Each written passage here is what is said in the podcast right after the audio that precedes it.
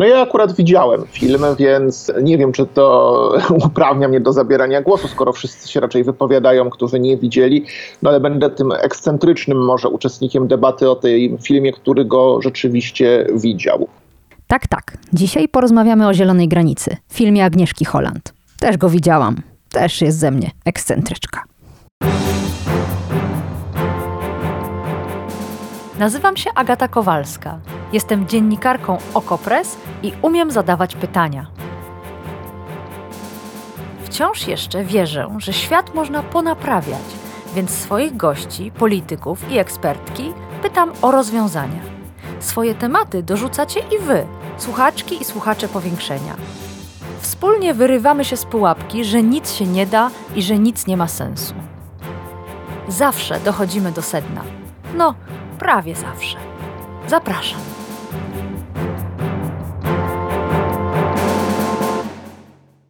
A gościem powiększenia jest Jakub Majmurek, krytyk filmowy, publicysta krytyki politycznej. Dzień dobry. Dzień dobry. Widział pan film? To jest chyba podstawowe pytanie, bo toczy się o nim wiele rozmów. Toczą je ci, którzy filmu jeszcze nie widzieli. No ja akurat widziałem film, więc nie wiem, czy to uprawnia mnie do zabierania głosu, skoro wszyscy się raczej wypowiadają, którzy nie widzieli, no ale będę tym ekscentrycznym może uczestnikiem debaty o tym filmie, który go rzeczywiście widział. To zanim o filmie, porozmawiajmy chwilę o awanturze. I właśnie awanturze o film, którego wiele osób jeszcze nie widziało. Nie widzieli go na pewno przedstawiciele Prawa i Sprawiedliwości, a wiemy to stąd, że film dopiero wczoraj wieczorem miał premierę, a ich głosy, krytyki, hejtu leją się już od y, dobrych paru dni, jak nie paru tygodni.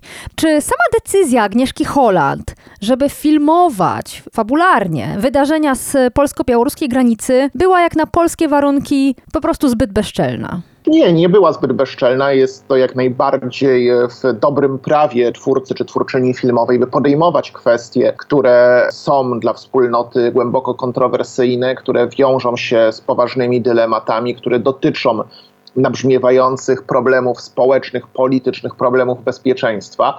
Raczej można by mieć pretensje do polskiego kina po 1989 roku, że rzadko tak szybko reagowało na to, co działo się w Polsce, bo rzeczywiście ten film jest wyjątkowy jako taki film interwencja, film, który zabiera głos w bardzo ważnej, bardzo głęboko dzielącej społeczeństwo sprawie, no w sposób bardzo szybki. On nie powstaje 10 lat po tych wydarzeniach, tylko powstaje niemalże bezpośrednio. No i przyznam szczerze, że jeśli tak się myśli o jakimś porównywalnym przykładzie polskiego filmu, który tak szybko reagowałby na kluczowe wydarzenia, no to przychodzi mi na myśl tylko człowiek z żelaza Andrzeja Wajdy, więc film sprzed ponad 40 lat. No, wczoraj Agnieszka Holland sama mówiła na premierze, że zdjęcia rozpoczęto 6 miesięcy temu, a w tym momencie mamy już gotowy film w kinach. Niesamowite tempo. Pytanie, czy to określenie, którego użyłeś, film interwencja, oznacza, że te zwykłe kategorie, jakimi posługuje się krytyk filmowy, ale może i widz, w ogóle tu nie przystają. No myślę, że jak najbardziej przystają. Filmy interwencje też są e, dziełami sztuki, też można je w tych kategoriach odbierać jako dzieło sztuki filmowej, więc e, dyskusja o filmie Agnieszki Holland będzie dyskusją e, dwutorową. Z jednej strony związaną z artystyczną oceną tego filmu, z drugiej z całą oceną publicystyczną, oceną moralną, oceną polityczną. Na razie ta dyskusja polityczna dominuje, chociaż w przypadku tego, co robi PiS, no to trudno tutaj nawet mówić o dyskusji. To nie jest dyskusja, to jest raczej zorganizowany, odgórny hejt, który z jakąkolwiek dyskusją wokół tego, co zostało pokazane w filmie, nie ma wiele wspólnego ale też ta dyskusja na temat walorów czysto artystycznych tego filmu, walorów tego filmu jako dzieła sztuki filmowej, no jak najbardziej też e, będzie na nas czekała, no i z czasem, kiedy sprawa tego, co dzieje się teraz na granicy, stanie się już sprawą mniej lub bardziej historyczną, no to historycy filmu, historyczki filmu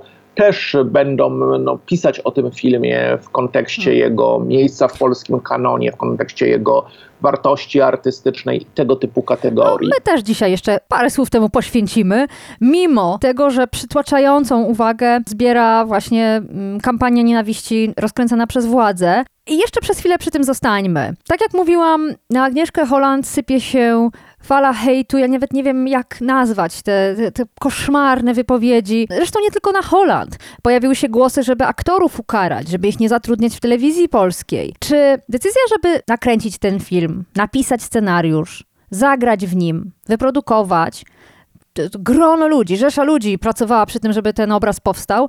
To jest akt obywatelskiego nieposłuszeństwa? Znaczy nie wiem, czy nieposłuszeństwo, no obywatelskie nieposłuszeństwo na ogół definiuje się w ten sposób, że jest to świadome łamanie prawa w imię jakichś wyższych wartości.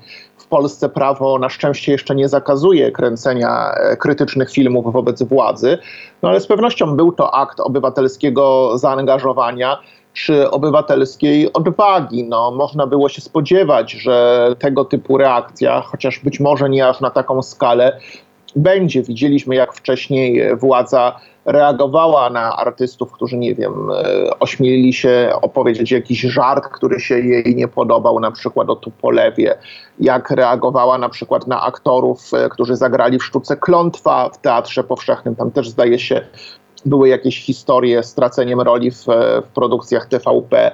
Więc no, można było się spodziewać, że, że pojawienie się na ekranie w tym filmie, że udział w jego produkcji no, wystawi twórców na celownik władzy, a przynajmniej na celownik hejtu.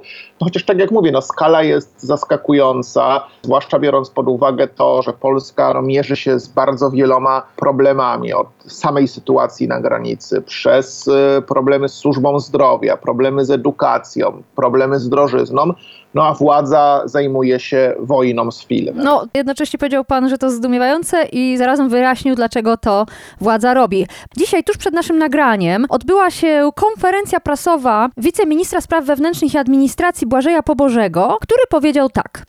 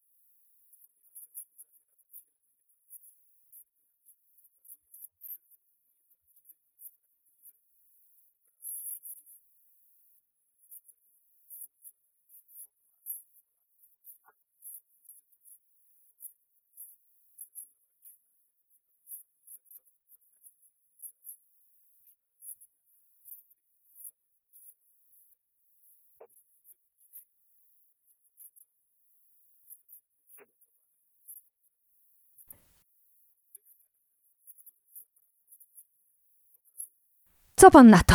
Czy to jest no, przekroczenie jakiejś kolejnej granicy, no, cenzura? Trudno jak gdyby wiedzieć, od czego by tutaj zacząć. No jest to przede wszystkim działanie absurdalne, które ośmiesza rząd. Jest oczywiste, że jeżeli rządowi chodziło o to, by przekonać widzów Zielonej Granicy, iż ona nie przedstawia e, wizji prawdziwej, no to umieszczenie takiego spotu przed seansem raczej temu się nie przysłuży. Raczej widzów zirytuje, że będą musieli dłużej czekać na film. Raczej po prostu będzie to postrzegane jako akt cenzury i sądzę, że też rząd doskonale sobie zdaje z tego sprawę i nie chce tak naprawdę nikogo przekonywać, tylko chce zademonstrować swojemu twardemu elektoratowi, którego mobilizuje przy okazji tego filmu pod hasłami obrony dobrego imienia polskiego żołnierza, obrony polskiego munduru, no, że coś w tej sprawie robi, że z tym filmem walczy, że daje mu odpór. Zastanawia mnie też, tutaj e, pani przytoczyła ten cytat rzeczywiście dosłownie, że w kinach studyjnych.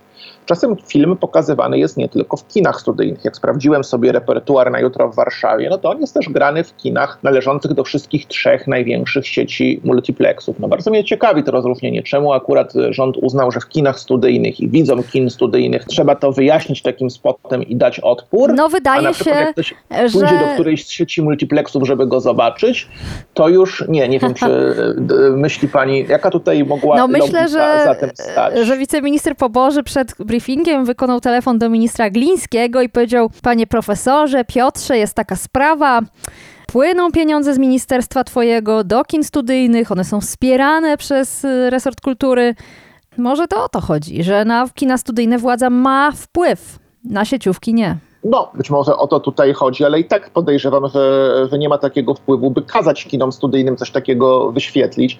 Raczej po prostu kina będzie musiała po prostu wykupić reklamy, co się zresztą już dzieje. Jeśli ktoś z Państwa był ostatnio w kinie, e, to z pewnością zetknął się albo z reklamą pewnego koncertu narodowego, paliwowego, która wygląda jak reklamówka partii rządzącej, więc tego typu przekaz w kinach też władza już e, uskutecznia. No i to jest też pytanie, czy wyborcy, podatnicy będą zachwyceni, że rząd zajmuje się wydawaniem pieniędzy na polemikę z filmem w kinach ta akcja no, wpisuje się w to, jak PiS podchodzi do kina. Kiedy była awantura wokół idy Pawła Pawlikowskiego, to reduta dobrego imienia Polska Liga Przeciwko Zniesławieniom, organizacja założona przez Macieja Świrskiego, obecnego prezesa Krajowej Radi Radiofonii i Telewizji, mianowanego na to stanowisko przez pisowski układ władzy, też domagała się, by poprzedzić ideę czołówką, napisami, które wyjaśnią, jak było naprawdę. No i kiedy telewizja publiczna wyemitowała ideę, też wyemitowała ją właśnie poprzedzając film Tak. tego typu napisami, które jeszcze wyglądały tak, jakby je tam włożyli twórcy, no co było już jednak jakimś dość poważnym ograniczeniem praw autorskich osobistych twórców, ingerencją w treść filmu. Też nie wiem, czy po prostu Prawo i Sprawiedliwość traktuje widzów jak idiotów, którzy też nie potrafią przyjrzeć się krytycznie obrazowi i zrozumieć, że to jest pewna reprezentacja rzeczywistości, która no, no nie jest w skali 1 do 1 i dopiero jak zobaczą to napisane, to, to stwierdzą, a to rzeczywiście może być nie tak, jak przedstawia to, nie wiem, pani Holland, czy jak przedstawia to Ida. No, zupełnie nie rozumiem, przyznam, tej, tej logiki. No poza taką logiką to trzeba po prostu pokazać twardemu elektoratowi, Tak. że walczymy, nie Tak. poddajemy się, Chyba dajemy to, odpór. chyba to jest najtrafniejsze, że to jest w ogóle nie do tych widzów e, komunikat, a zarazem na pewno spot Ministerstwa Spraw Wewnętrznych i Administracji. Zresztą jestem tak ciekawa, co to będzie za filmik, że chyba drugi raz pójdę na zieloną granicę tylko po to, żeby obejrzeć ten dodatek, ten wkład Prawa i Sprawiedliwości w polską kinematografię.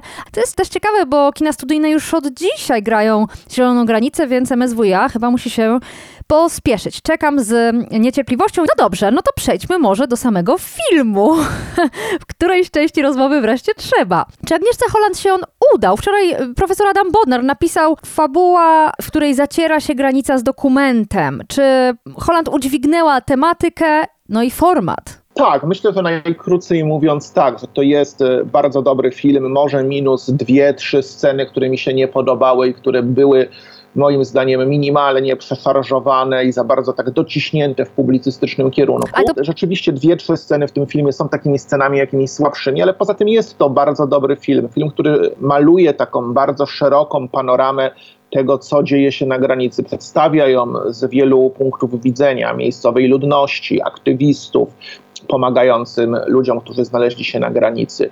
Z punktu widzenia Straży Granicznej, przecież strażnicy graniczni też tutaj są bohaterami, których historia, wbrew temu, co mówi rząd, ma w tym filmie szansę wybrzmieć. Pokazane są ich e, dylematy moralne, czasami wręcz przemiany moralne, więc też ten film nie jest taki wrogi wobec nie jest w ogóle wrogi e, wobec e, bohaterów, którzy akurat znaleźli się w, w Straży Granicznej, pokazuje ich jako istoty moralne, które stają przed różnego rodzaju dylematami. No i wreszcie pokazuje tę sytuację z punktu widzenia uchodźców. Uchodźców, którzy znaleźli się w jakiejś pułapce między Polską a Białorusią, przerzucani ciągle między granicami obu tych państw, która, które są też granicami Unii Europejskiej przepychani przez białoruskich strażników do Polski, przez polskich na Białoruś, nie zdoleni ani wejść na teren z Unii Europejskiej, ani jej, ani jej opuścić, złapanych w jakąś taką sytuację, która jest głęboko nie tylko tragiczna, ale też absurdalna.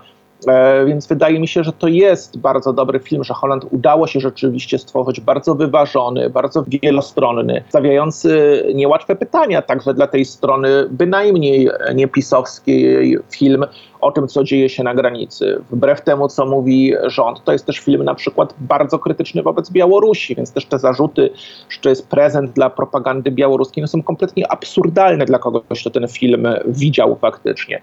To jest też film no, całkiem krytyczny wobec strony antypisowskiej. Też widzimy, jak ta strona dzieli się w obliczu sytuacji na granicy. To jest też wreszcie film, który jest bardzo krytyczny wobec polityki migracyjnej całej Unii Europejskiej, a nie tylko i wyłącznie Polski, więc naprawdę ten przekaz na temat tego filmu, który podaje rządząca partia, no on jest po prostu nieprawdziwy. Paweł Kasprzak, lider kodu, napisał, też był na filmie, to jest naprawdę niesamowite, że trzeba to podkreślać, napisał, nie da się złapać oddechu. Od Agnieszki Holland dostało się wszystkim. Polsce Unii, władzy i opozycji. Solidny łomot. I rzeczywiście chyba tak jest. Tam nie ma nikogo, jeśli myślimy społecznie o tym filmie, kto byłby rozgrzeszony. Dopiero jak zejdziemy na poziom konkretnych ludzi ich decyzji, to Holland widzi współczucie i wsparcie i pomoc dla uchodźców. Natomiast na poziomie grup decyzyjnych, że nazwę to tak górnolotnie, nikt nie pozostaje czysty. Tak, no jakby widzimy właśnie jak gdyby taką sytuację, która jest sytuacją, z której bardzo trudno znaleźć wyjście na jakimś poziomie systemowym. Czasami rzeczywiście no, jedyne wyjście to jest zachować się w sposób właściwy. No i to, co jest też ważne w tym filmie i co sprawia, że to jest dobre kino, to, po której stronie ktoś stoi, czy jest na, w punkcie wyjścia aktywistą, czy jest strażnikiem granicznym, no to jak gdyby nie determinuje to, jakich decyzji ostatecznie podejmie. Jak gdyby każdy tutaj ma możliwość moralnej przemiany i zachowania się w sposób godny. Jak gdyby Holand nie skreśla z góry żadnego bohatera, na przykład tylko dlatego, że on nosi mundur Straży Granicznej. Więc to jest też, myślę, coś, co sprawia, że ten film jest filmem dobrym, że tam nie ma postaci, które miałyby ilustrować jakieś publicystyczne tezy, no może poza kilkoma postaciami, które się tam pojawiają na dalszym planie w tych słabszych scenach, o których mówiłem, tylko są rzeczywiście pełnowymiarowi bohaterowie, którzy zostali wrzuceni w bardzo ciężką sytuację i muszą podjąć no, jakieś niemożliwe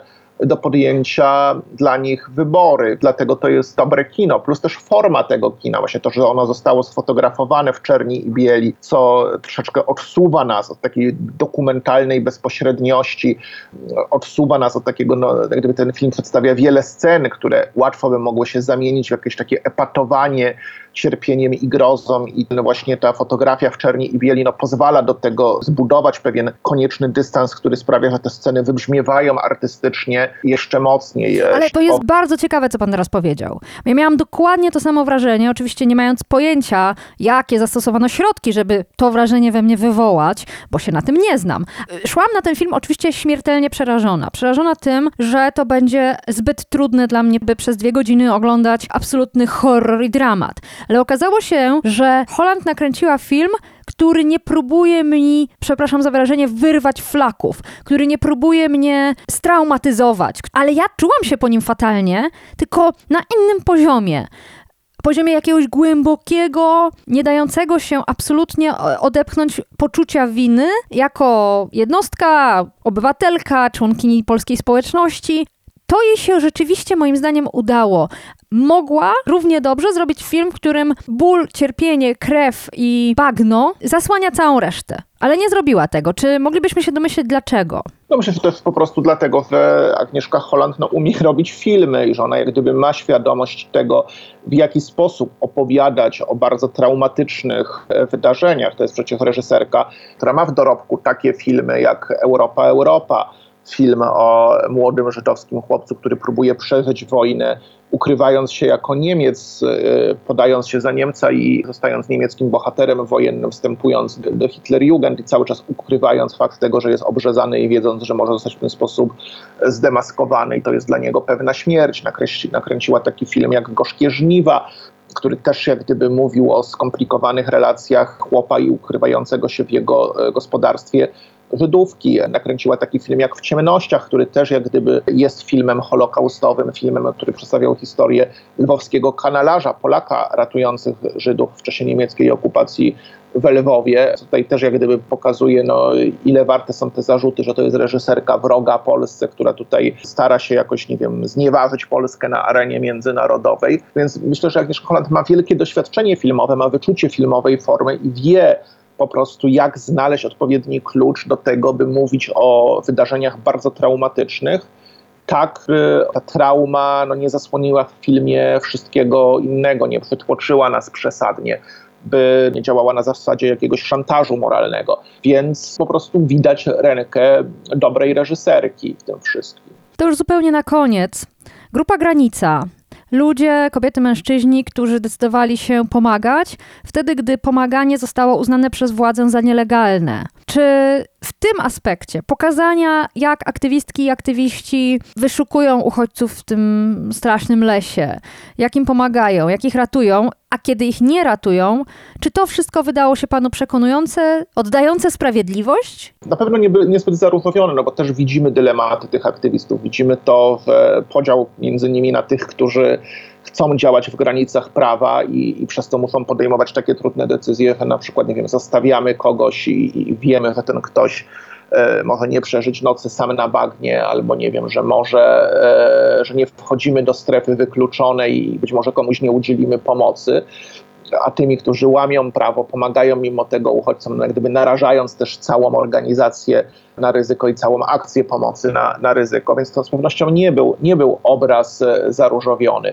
Wydaje mi się, że, że ten film oddaje z jednej strony sprawiedliwość e, ludziom, którzy zaangażowali się w pomoc, a z drugiej strony też pokazuje, jak to ich zadanie no, często było zadaniem niemożliwym do realizacji, jak trudno było im, no, jak wielkim sukcesem no, była pomoc każdej osobie i często jak, jak ta pomoc się ostatecznie gdzieś tam okazywała na darmo, więc to gdzieś tam pokazuje też tragizm tego ich e, zaangażowania i oddaje im sprawiedliwość, ale też no, nie, nie tworzy hagiografii, też pokazuje napięcia w tej grupie dylematy, koszty tego typu zaangażowania, no, pokazuje też właśnie to, jak ono często jest niestety tragicznie nieadekwatne. No, tutaj też no, wiemy jednak, że, i, też, i też ten film to jakoś tam przyznaje, no, że aktywiści tutaj nie zastąpią sensownej polityki na poziomie całej Unii Europejskiej to, to jest jak gdyby ratowanie jednostek, no ale całego tego mechanizmu nie jesteśmy w stanie zatrzymać bez jakiejś decyzji politycznej. Słowem, Jakub Majmurek mówi solidna robota. Bardzo bym chciała, żebyście obejrzeli ten film, napisali potem, co sądzicie, co z niego wynieśliście, z jakimi uczuciami wyszliście z kina, no i oczywiście, jak oceniacie spot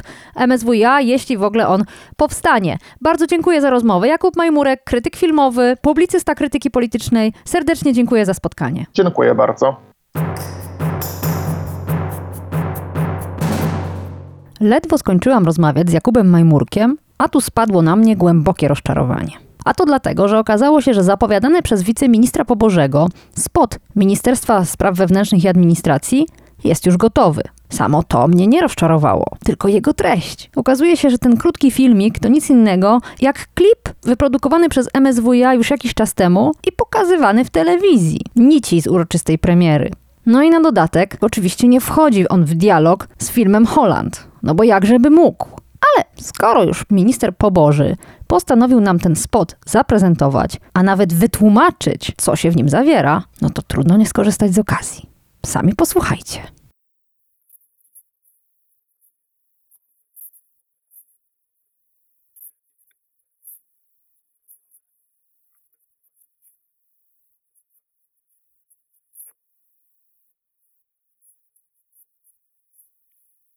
Gotowi? To teraz ten spot.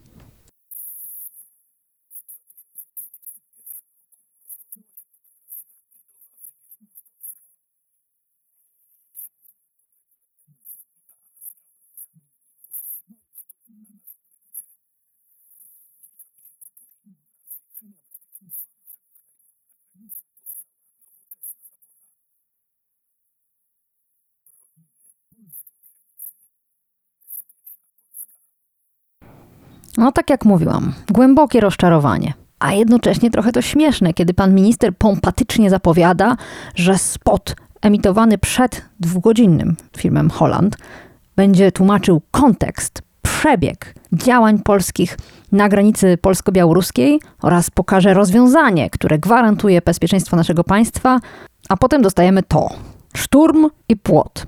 Kto szturmował, tego już w spocie nie wyjaśniono. Jednocześnie, nie wiem czy pamiętacie, że w tym wcześniej cytowanym fragmencie konferencji ministra Pobożego padł zarzut, że Agnieszka Holland w swoim filmie nie wspomina o wojnie hybrydowej rozpętanej przez Łukaszenkę. To mnie trochę zdziwiło, bo od tego zaczyna się cały film. Może minister Poboży spóźnił się do kina. Na szczęście na tej dzisiejszej konferencji prasowej dziennikarzom wolno było zadawać pytania. I jedna z dziennikarek telewizji TVN24 powiedziała, że ma tylko jedno pytanie.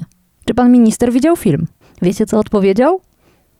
Że widział fragmenty, a poza tym jest trailer. Odważna odpowiedź ze strony człowieka, który zarzuca, że czegoś w filmie nie ma.